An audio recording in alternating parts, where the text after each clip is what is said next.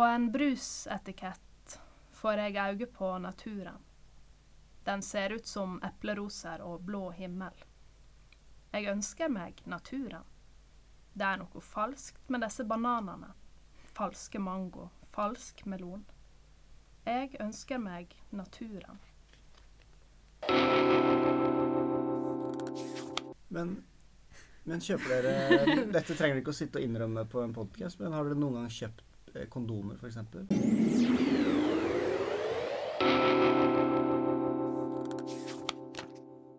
Kjære lytter, kjære medmenneske, medborger og bokvenn. Velkommen til denne episoden av Bladpodden. Og velkommen til deg, Helene Hovden Hareide, poet, gjendikter og kritiker i vårt land. Takk for det. Ja. Velkommen til deg, Thea Sundstedt Baugstø, litteraturviter, kritiker og skolebibliotekar. Yes, tusen takk, Jonas. Uh, og velkommen til deg, Eirin Andresen Betten, journalist, kritiker, litteraturviter og sjakkelsker. Hei, hei. Yes. Og jeg heter Jonas Meyer. Vi um, er her for å snakke litt om um, siste utgaven av Blad. Men vi må fortelle lytterne at først så ble du forkjølet, Thea. Ja, det stemmer. Så da måtte vi avlyse. Vi kan ikke møtes når noen er forkjølet i disse dager. Nei, det går ikke. Så ble jeg forkjølet. Og Helene satt jo på toget fra Drammen. Å nei, gjorde du? Lang reise. Ja. Så, så ble jeg forkjølet, så måtte vi avlyse igjen. Men nå har vi endelig klart det. Og nå skal jeg komme med en quiz. Hvem, hvilken dikter er det jeg parafraserer nå? Hvilke tider er dette der en vanlig forkjølelse er blitt en forbrytelse? Oi, oi, oi. En Dette er et gammelt sitat. Det er ikke så gammelt. Men det er ikke koronasitat. Nei, nei, nei. Det er en parafrasering, for jeg gjør det litt om. Ah. Skal Vil du ha originalen? Ja. Ja. Det er litt etter hukommelsen, men det er sånn hvilk, Hva slags Hvilke tider er dette der en, en samtale om trær er en forbrytelse? Det var jo noe helt annet. Ja, det er mye likt. Det er mye likt. En forbrytelse. Ja, dette var tull. Hvilke tider er dette der en vanlig forkjølelse er en forbrytelse? Det er min parafrasering. Poeten Jonas Hansen Meyer. Nei, det ekte sitatet hvilke tider er dette der en samtale om trær er en forbrytelse? Sånn som jeg husker det da fra hukommelsen. Så Det det er er to parafraseringer her, da. En Parafrasering av en sannsynligvis. Sannsynligvis. Nei, det traff ikke helt, merker jeg. Nei. Nei. Bertolt Brecht var det jeg prøvde å parafrasere. Ja.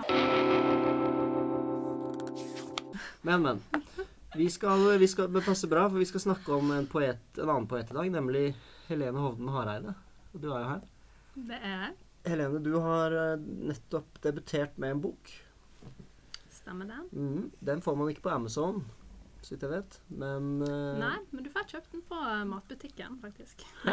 I bygda der jeg kjøper oh, ja, den. Men, Det det passer bra, for den heter jo Butikksanger. Ja, det gjør den. Og nå vet ikke jeg med dere andre, men jeg har jo veldig lyst til å debutere selv en vakker dag. Så derfor så er det litt gøy å kunne grille deg litt, og hvordan det er å debutere. da. Så mm, ja, vi har noen spørsmål til deg.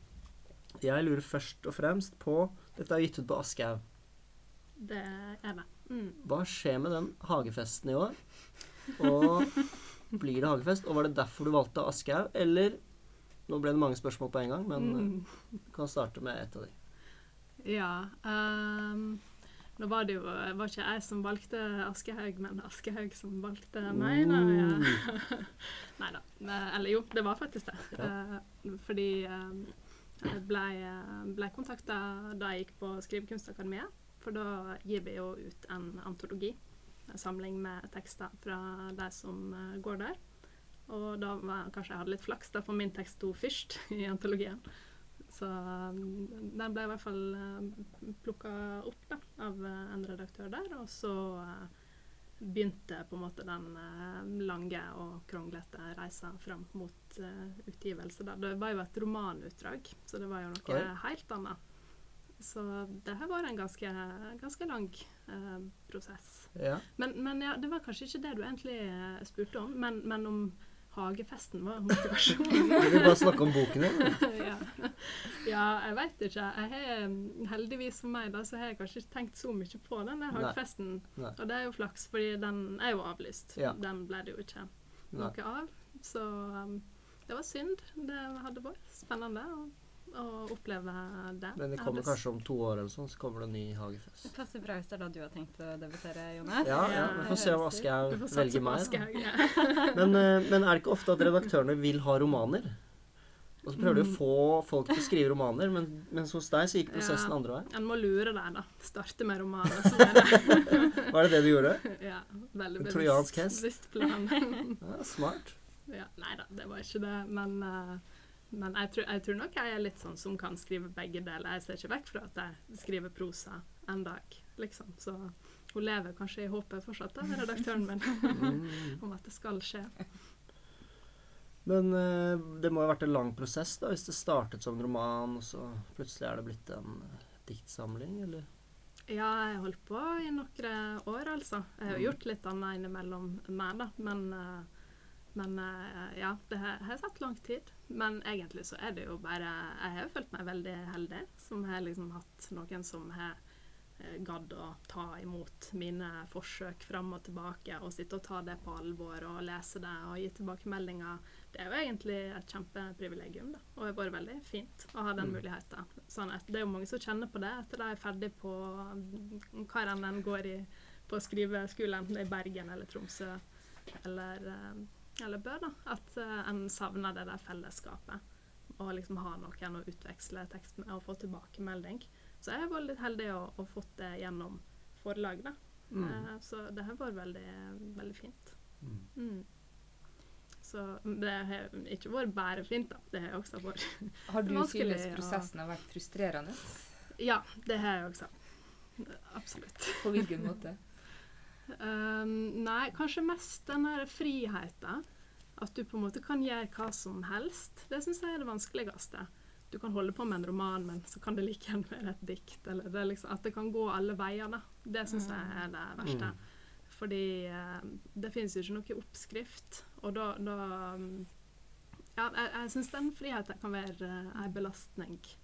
Så jeg var veldig glad når jeg liksom hadde bestemt meg for at nei, det blir Ja. butikkdikt. Og ha den der butikken som er, som er ramme da, for de dikta som alt måtte passe inn i. på en måte. Det kan jo slå over også da, og bli ei tvangstrøye, på en måte. Men, men jeg syns det var veldig godt å kunne ha den der begrensninga, da. Jeg syns begrensning er liksom Det er produktivt for min Mm. kreativitet. Det Ja. Jeg tror ikke du er alene der, faktisk. Nei. kjenner meg veldig igjen. Det er godt å ha form. Ja, jeg skriver jo også i denne masteroppgaven min, så skriver jeg om eh, noe som Jeg vet ikke om dere kjenner til Oli Po. Det er et sånt fransk kollektiv eh, som satte seg for å skrive litteratur eh, med begrensninger. At du f.eks. Nei, nå skal jeg skrive en roman uten å bruke bokstaven E. Eller at det skal Ja, på, ja, jeg det er de som er- Ja. Så mm, ja, jeg syns, eh, jeg syns ikke det er så dumt. Nei, ikke sant. Mm, det skal jeg neste gang. Mm. Jeg har tenkt litt på, for du er jo intervjuet i em, blad nummer åtte i år, Det gule bladet. Ja. Um, hvor Gult blad, ja. Gult blad med gul bok.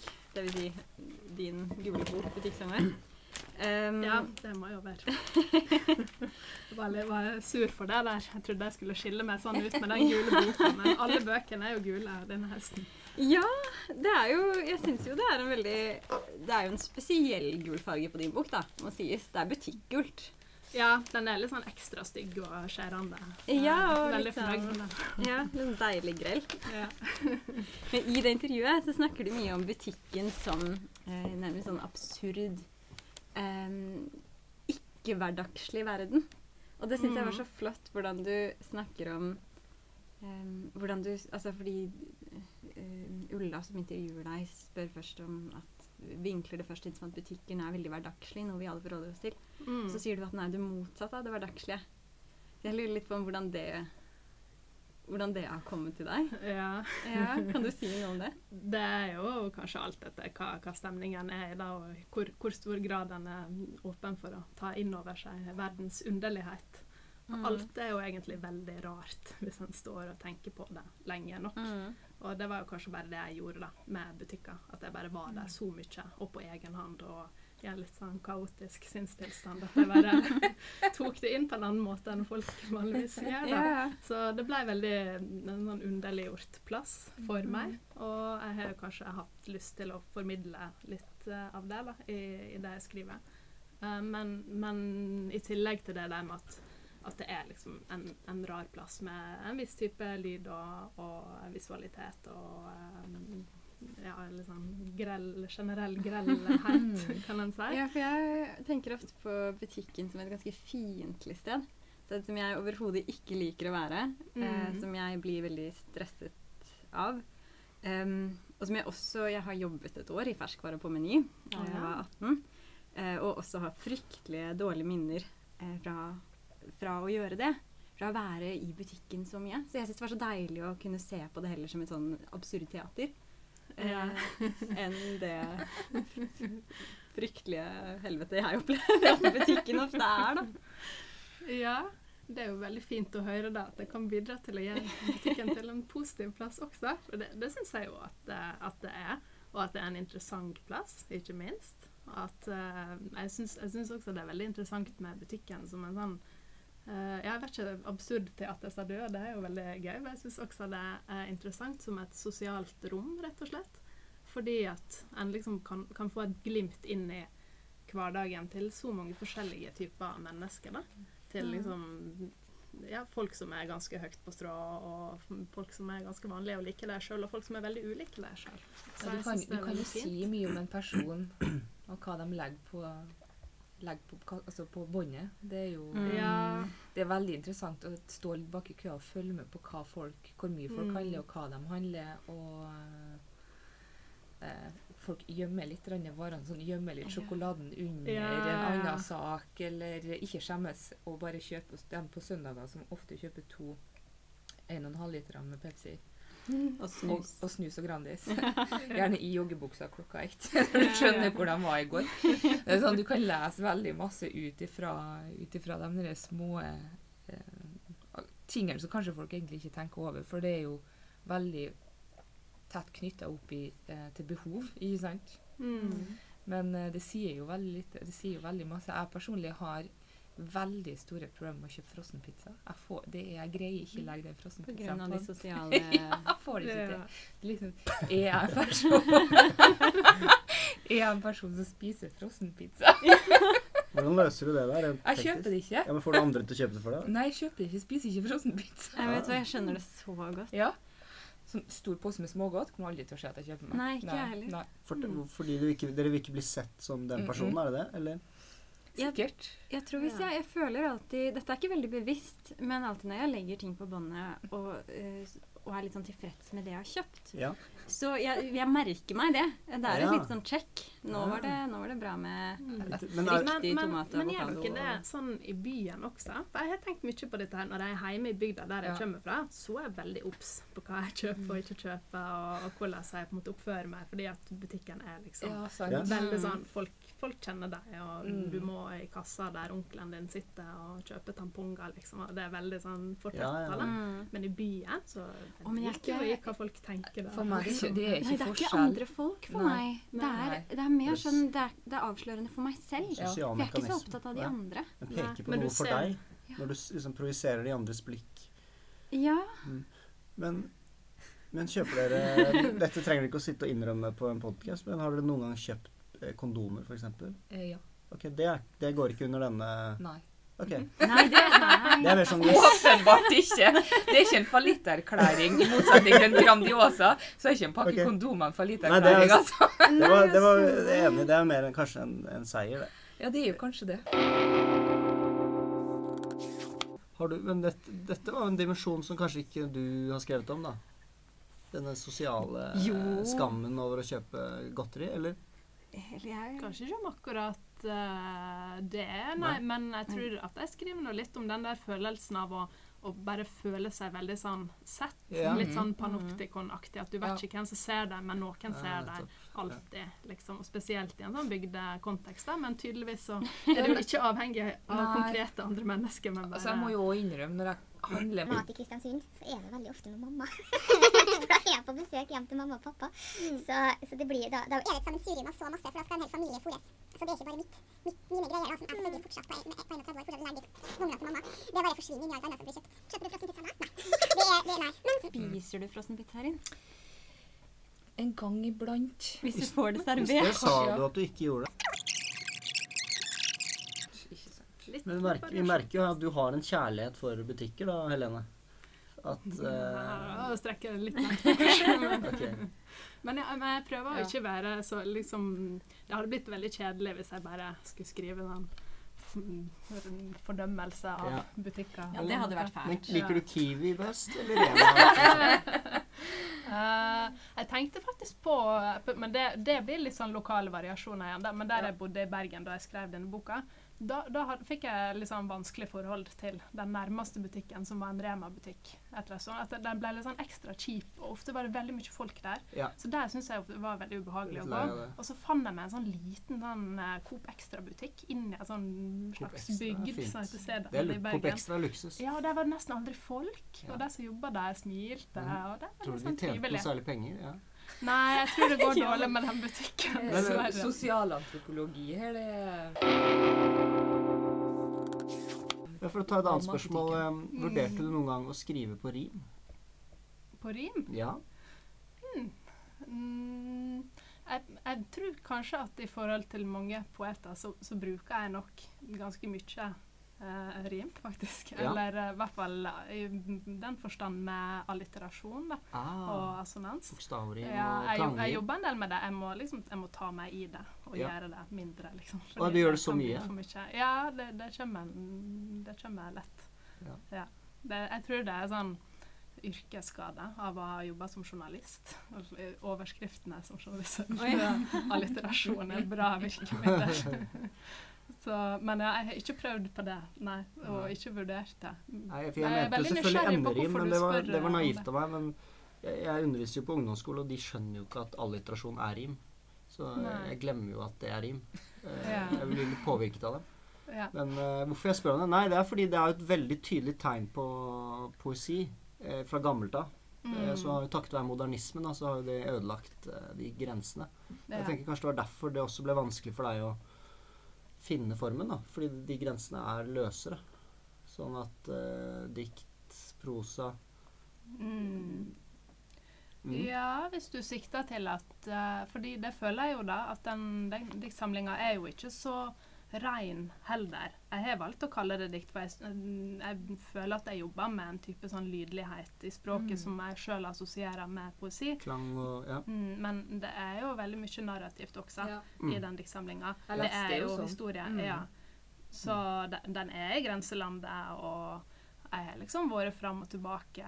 Det er jeg egentlig ikke så fan av narrative diktsamlinger, men, men det var på en måte sånn det var sånn det stoffet ville være, da, eller det var sånn jeg på en måte kunne få det til å, å funke. Så ja, det er en lang vei det der, altså, å finne ut hva Men å gå fra prosa da, til den Kanskje det var det å ha en narrativ diktsamling, eller et narrativ istedenfor mange ulike Ja, det var kanskje en glidende overgang, jeg vet ikke. Ja. ja. Noe annet For da får du noe helhetlig. Unnskyld, ikke meningen å avbryte. Noe annet du sier i det intervjuet, er jo at du ikke vil, eh, plassere dine egne tolkninger av hva som skjer eh, med disse karakterenes møte med butikken. Og det Mm. syns jeg skaper en veldig sånn poetisk narrativ driv. Nettopp at um, det er veldig mulig for leseren å prosjisere egne butikkerfaringer inn i diktene dine. Som jeg syns er veldig ja, Som bryter opp det narrativet litt, da. Ja, men det er fint å, fint å høre. Jeg vet ikke om det finnes så mange diktsamlinger der leseren kan tolke inn sine egne butikkerfaringer. Så jeg har funnet et hålerom å Nei, det er vel enten denne eller ingen. Eller Nei, jeg fikk alle. For du begynner jo å tenke når du leser sånne, når du leser sånne historier, og begynner å tenke på alle andre ganger. For det er ikke så ofte, altså butikken er veldig spesifikk. Det er ikke så ofte den dukker opp egentlig i prosa sånn generelt sett. Men det er Jeg leste en japansk bok nå. Uh, 'Convenience Store oh. Lady', ikke det den heter? Uh, Jo, den, er den også gul? den er òg gul. Ja. hva som skjer? Ja, og den handler om et, den handler om et, et menneske hun, Det er jo en åpenbar Det er jo en slags kritikk, da. Men eh, om en dame som hun får egentlig ikke til livet. det, det, det blir bare feil. Hun greier aldri å leve opp til noen forventninger. Og så blir på en måte hennes skjebne da, er å stå på den der butikken. Og så tar hun innover seg alle skjebnene, så hun ender opp selvfølgelig med å finne en samboer da, i den butikken. Og han er jo et sånt sosialt utskudd. Eh, men den stakkars butikken eller kiosken eller hva det nå er, det blir en sånn, sånt episenter for alt som går feil med alle, alle i livet. Det er veldig deprimerende. Det er Men- mer i tråd med min eh, Ja, det er noe mer i tråd med Ja. din. Og så har du for, igjen, Nå kommer Jonas til å himme litt med øynene. Nei, nei. Don de lille White Noise har jo den flotte dem. Hvorfor skal jeg himle med øynene For over at jeg nevner alltid White Noise, uansett uansett hva det er. Men han har jo den helt fantastiske sånne eh, blikk på matbutikken. Det her på 80-tallet, når supermarkedene virkelig ble en greie. Mm. Og hvordan ting blir masseprodusert, og det står på samme plassen, og du kan finne den samme varen samme plassen uansett hvor du er i landet, for du er i den kjeden. Mm. Og den Og så skal jo eh, hvordan matpakke, maten er pakka inn, sier noe om hva som er inni den. ikke sant? Og så hvordan du eh, hvordan um, den rimeligste nøttepakken får en sånn forferdelig design, men så har du den dyre nøttepakken som har sånne gullbokstaver. og ikke sant? Det er sånne eksklusive nøtter. Mm. Kan godt hende at det er samme nøtta i. Det syns Ja. jeg er veldig fascinerende. Ja, eh, men Helene, kanskje du har lyst til å lese noe fra denne butikksongen her eh, for oss? Nå har vi snakket litt om butikker og sånn. Ja, gjerne det. Mm. Kan lese noe fra den siste delen i boka, som heter 'Ved Europaveien'. Det renner ei elv gjennom hver dag. Hun hører den synge i doen, kjenner den sildre i veggene og klukke under vasken. Under gulvet hører hun en løgn bekk le, og kjøleskapet klage. Kjøleskapet klager fordi det er så tungt å være demning for de rennende røs røslene i dyra. Alt har ei elv i seg. Fisken og sausen og kjøttdeigen. Alt har ei elv som kan stoppast. Hun knuser kalde biter med jekslene. Spyttet fylles av smak, det skyller over tunga og velter ned, elter seg, inn i det hun er. Et lite menneske, med verden glitrende mellom tennene. Ja, Nok. Mm, Ja, ja. Det var kjempefint. Tusen takk. Kjempefint. Takk for det. En elv. Hyggelig å høre. Alt har en elv i seg. Kan, kan jeg lese Kan jeg lese fra boken din? Kan jeg det? Ja, skal jeg ta det som et eh, Nei. hint? Nei, nei. Um, nei, for jeg bare likte det som sto på omslaget òg. Ja. Det, var- det, var- liksom, det er det man ser når boken ligger der. ja, du må gjerne lese det. Vi tar ei vogn og lar den vandre mellom alt vi ønsker oss. Bårna spring fra smak til smak og ruller deg på tunga til små, raske ord. Kan vi få, kan vi få, kan vi få? Det er veldig, le veldig levende. Takk. Fint lest. Mm, Takk. OK. Ja, men Tusen takk, Helene. Eh, vi skal gå videre og snakke om en annen gul bok. For det, alle bøkene er gule i år. Ja. Og den neste har jo virkelig kuppet uh, gul bok-sjangeren ved å kalle seg for gul bok. Og Ja. den har jo du skrevet om, uh, Thea, i uh, siste utgave av bladet. Og det er Ja. altså Sesh- Sesham Shakars gul bok. Men ja, det stemmer det. Og gul bok i denne boka er jo en referanse til um, statsbudsjettet. Som kalles gul bok når man fremdeles jobber med det. Nei, den er jo voldsomt mye omtalt, denne bokhøsten, som seg hør og bør. Siden han var en sånn eh, Siden Tante Ulrikkes vei var en så brakdebut, kan man vel kalle den. Mm. Så det er jo en av de bøkene som vi alle har ventet ganske mye på. Jeg tror jeg ble supergira da jeg så at uh, Sersan Shakar skulle komme med ny bok til høsten. Mm. Så nei, jeg skrev om den, og den var fin. Den var fin, og den har jo fått eh, en mottagelse, eh, men eh, litt sånn delt. Har det ikke vært litt delt? Jeg tenker at mottagelsen av den boken har eh, delt seg i to leire. Eh, hvor ingen har vært fryktelig negative. Men eh, eh, det har vært et skille mellom eh, de som er eh, avmålt positive, noen som har noen innvendinger og mener at den kanskje ikke når helt opp til debuten. Og det er vel der jeg eh, legger meg på den linja. Og så har du da de som er eh, helt over seg av begeistring, da. Og det syns jeg er et interessant skille. For det er klart at er, jeg syns jo på alle måter at det er en fin bok. Um, men jeg har også tenkt at det er nok en bok som veldig veldig mange har hatt veldig lyst til å like. Og at det er veldig synlig i mottagelsen av den. Um, hvor det er blitt eh, sagt noen Altså at for det første fordi det er et perspektiv eh, som vi ikke får så ofte i norsk samtidslitteratur. Eh, som kan oppleves veldig sånn nytt og spennende og sikkert også revolusjonerende for mange. Mm.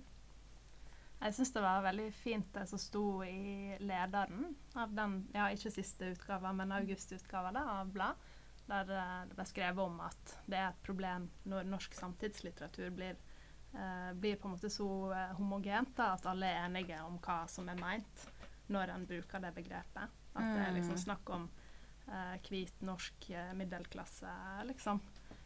Og at eh, Shakar er da en av de forfatterne som er med på å utvide sant? eh, Mm. hva en legger i det begrepet. Og at det er veldig Det er jo positivt.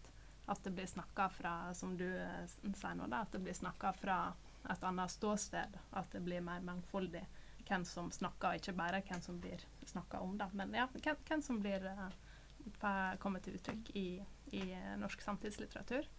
Men, men en ting som jeg tenkte på med, med den boka, da, var at jeg skulle ønske at den i større grad også utvida litt, eller brøt litt med litt sånn eh, typisk norsk samtidslitteratur i måten den er fortalt på, eller i det språklige. Der syns ikke jeg at den helt uh, levde opp, da, men at språket er liksom i veldig stor grad prega av litt sånn, litt sånn floskelaktig, eller litt sånn klisjéfylt språk. At det står f.eks. om faren da, til Mani, som er hovedpersonen. At uh, ansiktet strålte av barnlig lykke. Som er liksom en type måte å skrive på som Ja, jeg ble litt sånn skuffa over det. Jeg syns, jeg syns han er mye bedre i, liksom, i dialogene. Der er det mer levende og mer Mm. troverdig, og en annen måte å, å snakke på eller uttrykke seg på som, som jeg føler også er litt annerledes da, og friskt.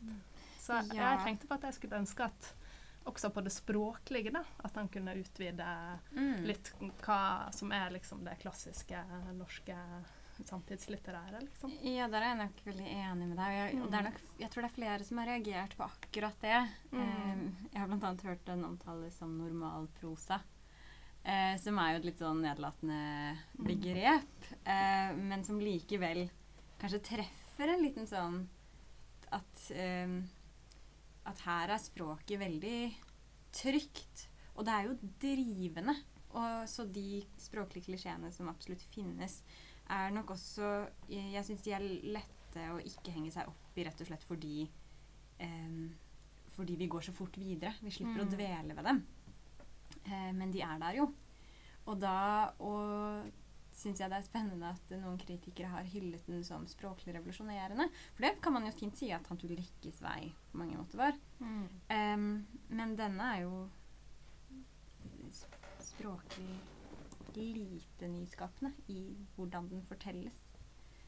Um, og da blir det jo litt sånn Hva gjør at vi kaller Hva, hva er det som gjør at vi syns at noe Hva var det som gjorde at de syntes det var språklig revolusjonær? Var det det at han vekslet at han veksler mellom sånn byråkratiidentitet, og så går han tilbake til sånn der tøff i trynet um, det, I de omtalene jeg har lest, så sies ikke det så veldig ikke, tydelig. Jeg vil jo anta Det er jo en språkbevisst bok.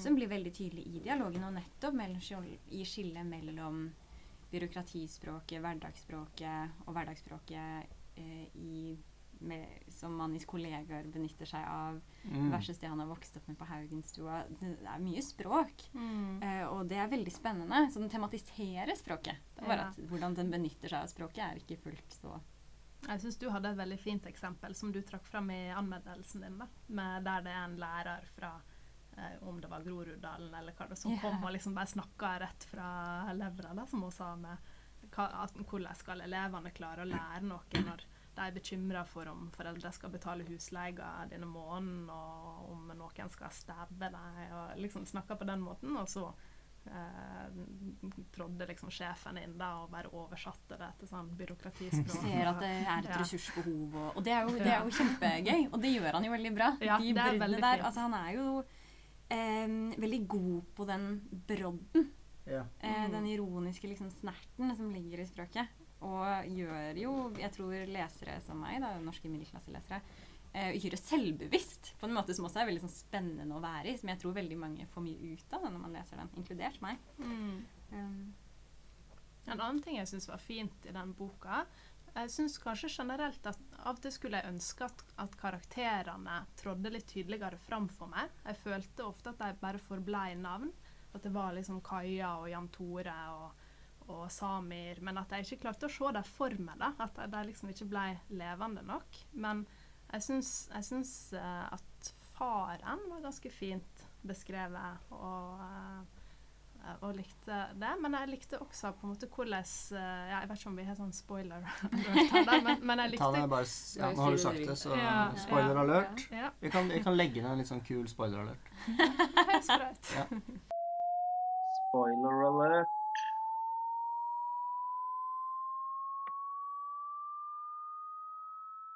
Men eh, det forholdet til kjæresten, eh, Mina, eh, det er jo også en sånn gjennomgangstråd i boka. Og jeg liker også godt hvordan det slutter.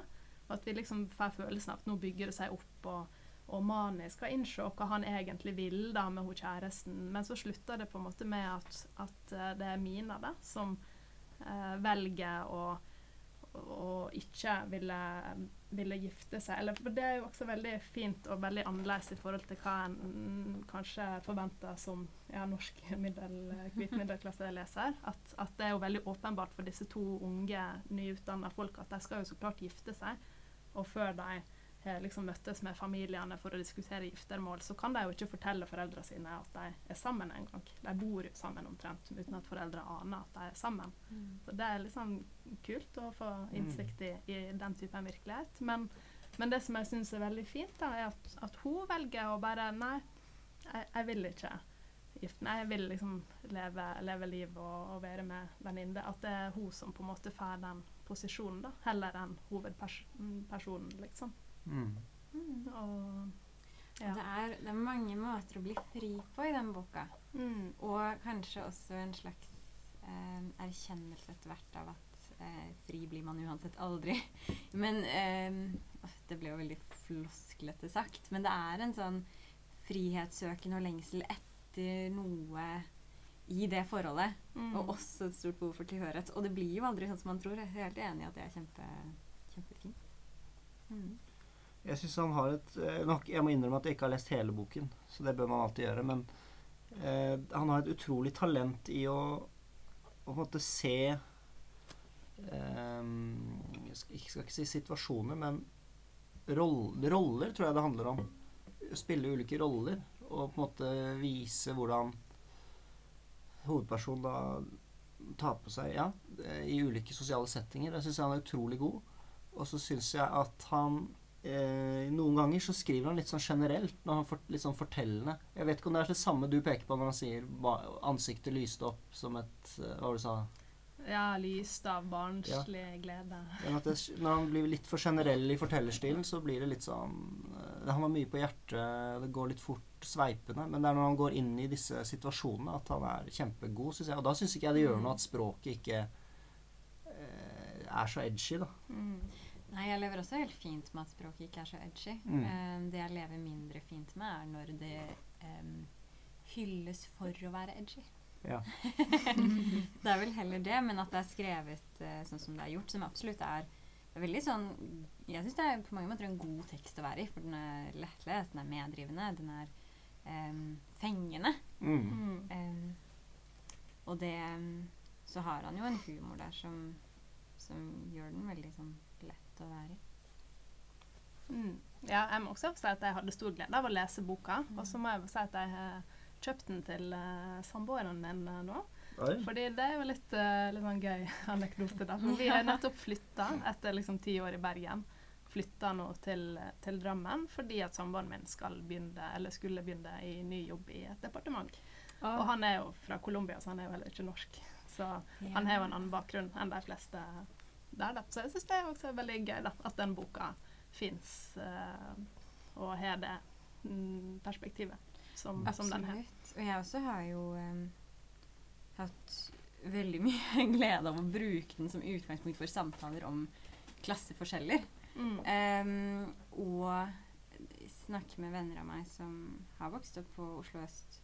Um, og at der kommer det jo fram nyanser i eh, å vokse opp der versus der jeg har vokst opp, som ikke nødvendigvis ville kommet fram uten at Mm. vi hadde lest den boka. Da, Mm. i samtaler.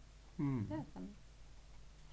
Ja, øh, han er, nå er det Se- Seshan Shakar ikke den eneste som er ute med bok i år, og heller ikke Helene. Det er flere som har gitt ut bok i år. Uh, det er litt av en bokhøst. Knausgård gitt ut en bok. Den er gul. Hjort. Vigdis Hjort. Vigdis Hjort har gitt ut en gul bok, eller en Ja, bok. det er en gulaktig Og det er Gulliksen Gul. Ja, men det er, det er det jeg prøver å si. Det er litt av en bokhøst. Altså, det er en bokhøst av de sjeldne, med mange store navn. Mm. Og da er det prinsipielle spørsmålet le, skal, Må vi, bør vi, eller har vi tenkt til å lese disse største navnene i norsk eh, litterær eh, offentlighet? F.eks. Knausgård. Kommer dere til å lese han? Vigdis Hjorth. Vigdis Hjorth kommer jeg til å lese fordi jeg er veldig glad i henne. Mm. Jeg er veldig begeistret for hennes forfatterskap, og den gleder jeg meg stort til å ta fatt på. Ja. Um, og det er jo først og fremst derfor jeg vil lese den. Ja. Uh, Knausgård er jeg vil jeg si mer kjølig Ikke kjølig, kanskje, men mer avmålt Ja. til. Så, eh, og det er en stor bok, så det er kanskje ikke første pri å lese den. Vet ikke med dere andre. Mm. Jeg tror jeg kan si at uh, jeg ikke kommer til å lese noen av dem. I hvert fall ikke Nausner. Jeg har ikke tid. Nei. Så det blir ikke prioritert. Jeg har jo Nå innrømmer jeg det jo, jeg har jo ennå ikke lest 'Arv og miljø'. Så da Så da må jeg nesten Jeg må nesten lese den før jeg leser um, Vigdis Hjorts eh, siste. Uh, Knausgård eh, Nei. Litt fordi at jeg, har jeg har litt følelse at det blir litt sånn eh, ma eh, Melancholia. En, en sånn, sånn dårlig kopi. Og jeg bare Jeg liker den filmen så godt, så jeg har ikke lyst til å liksom Jeg bare Nei, jeg vil ikke. Jeg vil er det ikke. din assosiasjon? eller Det er min. Det, nei, det vet jeg ikke. Nei, og den er jo en Det er vel en religiøs Det spiller seg vel på noe religiøst for Knausgård sin del, tror jeg.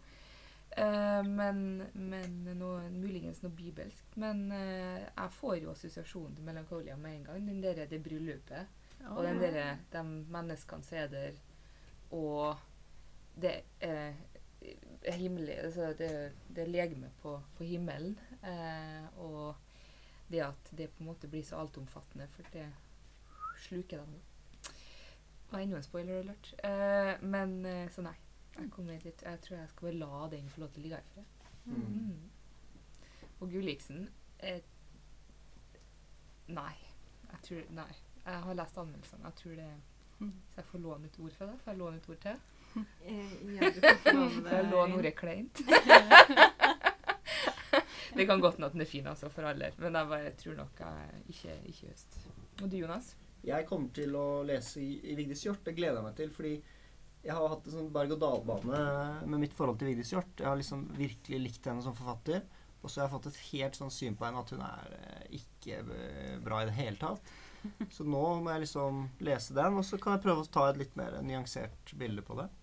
Det gleder jeg meg til å lese. Jeg kommer til å skumlese Knausgård. Og jeg kommer ikke til å lese alle 666 sidene, men jeg kommer til å lese åpningen, bla litt i den, bli kjent med boken.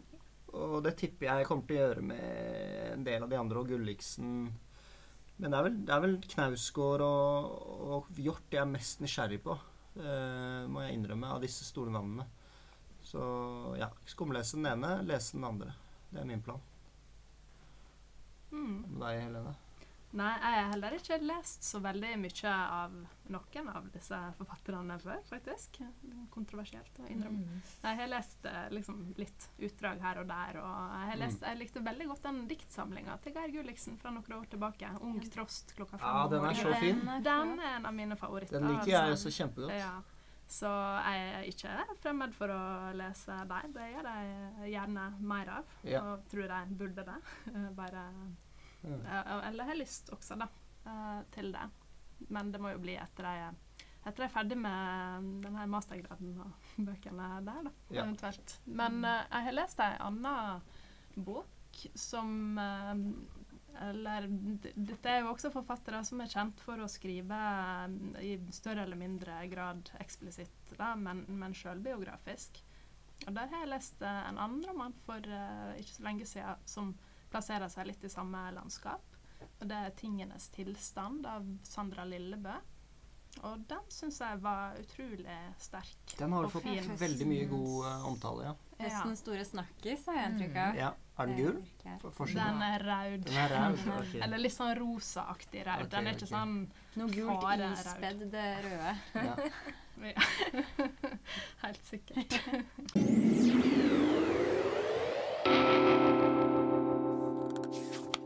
Hva får meg til å stoppe og stirre inn i to frosne ørretauge som om det var ei havn? Jeg skal ikke ha regnbueørret fra Peru. Men er det ikke noe der nede i djupet som var mitt?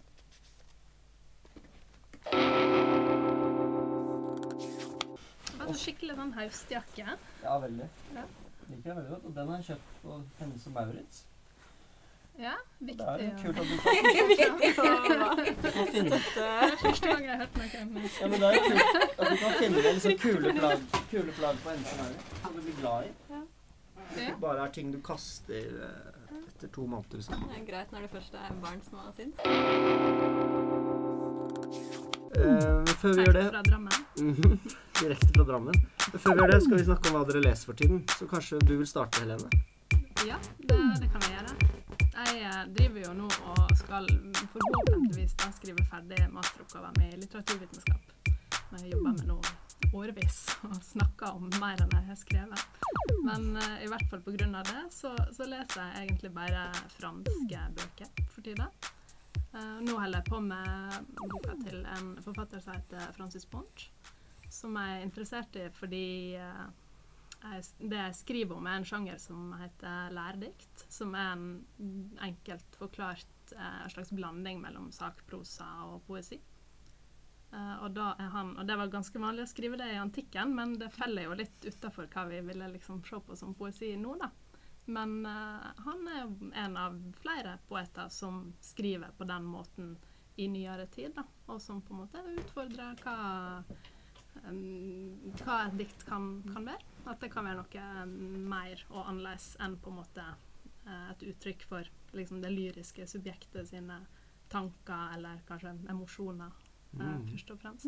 Så han skriver dikt om, om såpe, eller om dører, eller om appelsiner, eller liksom om, om ting, da. Og så skriver han liksom virkelig om tinga. Det er ikke bare et bilde på noe annet, liksom, men, men det handler om, om såpe. Mm. Så det syns jeg Leser du på fransk? Jeg gjør det. Jeg prøver, i hvert fall. Så Ja. jeg kan. Mm. Så du er Med ganske språkmektig, da, for du har også oversatt en spansk poet, har du ikke det? Gjendiktet. Ja, det stemmer. Jeg har gjendikta Gloria Gervitz sitt Ja. eh, livsverk 'Migrasjoner'. Mm. Så, Så du leser spansk, fransk Leser Ja. du noe mer? Nei. Al kan du Norsk og engelsk. Jeg Engelsk, prøvde, jeg selvfølgelig. prøvde, prøvde en periode i tenåra. Lærte alvisk. Nei, sa jeg det? Ja, ja. Nei, men bra. Eh, Hva leser du da, Thea? Nei, altså nå ble jeg jo veldig, fikk jeg jo lyst til å begynne å snakke om din bok, da, Helene, på grunn av dette med å skrive om tingene vi har rundt oss. Det Ja. må vi komme tilbake til. Eh, du, jeg leser mitt, eh, eller min livs første e-bok, som jo egentlig ikke er en e-bok, det er bare at jeg leser den på en iPad, eh, som er Hedda H. Robertsens Cut Piece, som kom for et par år siden. Eh, som er eh, fin, enn så lenge. Essayistisk. Um, er, den passer meg godt nå. Liksom Mm. der jeg Der du er? er som leser og i livet. Hvor er du som leser i livet? Nei, hun skriver mye om å være 27. Eh, det er jo et sted å starte, for eksempel. Det var det Venn-diagrammet, ikke sant? 27. Så, Så alle 27-åringer der ute, kast dere over den. jeg så at hun hadde sånn- fått et stipend. Tanums kvinnestipend nå Ja. nylig. Så Ja. den er jo veldig aktuelt. Det er veldig gøy. Ja, ja. Hva skulle du si? eh, Nei, nei, at det er en skummel eh, alder. eller Ja, det er det hun skriver, nemlig. Ja. Mm. Ja. Ok. Og Eirin, hva leser du da? Eh, Jeg får egentlig ikke til å lese så mye akkurat nå. Nei. Så jeg har lest det første kapitlet av Ishiguros The Burry Giant, og så lest det første kapitlet av Rachel Cusks Transit, og det første kapitlet av Annie Ernaux The Years. Og så har jeg ikke kommet lenger. Vi satt jo på toget sammen i går, da. Ja, Du leste jo jeg så at du leste. Jeg kom meg gjennom det første kapitlet, og så la jeg fra meg. Ja. Har du et favorittkapittel av de? Um, ja. An Annie er nå sin The Year, sin første kapittel. Det er fantastisk. Det er helt nydelig. Nå leser jeg den på engelsk, og ikke den norske oversettelsen. Mm. Uh, men jeg liker den Altså, det er Det handler jo om tid, egentlig. Hele den boka har jeg forstått. Nå har jeg bare lest den første delen, men det er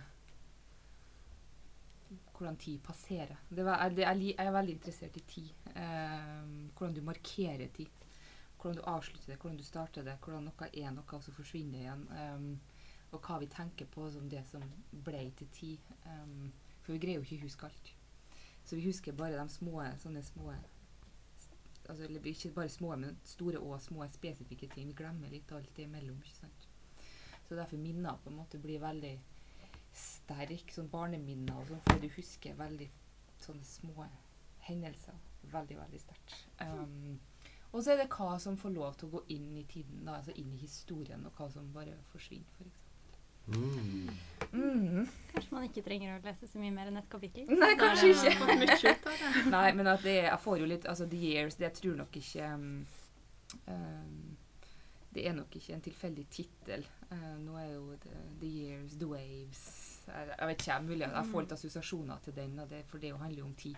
Alt, Mm. Den handler jo bare om tid, den òg. Og bølgen som trekker seg fram og tilbake og fram og tilbake, og det er en sånn monoton bevegelse. Men alt som skjer mens rundt den her bølgen, da, det er på en måte liv som blir levd, og tid som går, med den bølgen Jeg husker du leste om den bølgen eh, på det, live i, ja, det gjorde jeg, Jonas. i fjor Jeg på tror God du natt Oslo. sovna. Det Jeg ikke, var så jeg- nydelig lest der Jeg ble så provosert. At man drev og glorifiserte en bølge på den måten. Det er med. Det er med. Husker faktisk på det som et sånt stort øyeblikk at du leste den, og jeg syns du leste så vakkert, og Og det var så bra. for det. Så det husker vi jo likt, eh, Jonas. Ja. Mm. Jonas satt, du klød, satt bare og klødde. Men vi, har, vi hadde forskjellig respons på det. Men vi Ja, husker jo begge at du leste. vi husker det, skjedde jo. Mm. Ok. Jeg leser eh, Jeg har nettopp gjort ferdig en lydbok på audible.com. En bok om Jeff Bezos and The Everything Store. Så ja, Mm. hvordan Amazon Hvordan han bygde Amazon og fram til det, og visjonene framover. Det er ganske sinnssykt hva han egentlig hva de prøver å få til. skal selge alt mulig rart, og det skal komme på døren samme dag som du bestiller det. For de skal ha, de skal ha sånne sentre over hele verden. Og nå, så nå slår Amazon seg ned i Sverige nå. Så det er første skritt. Så det blir kult.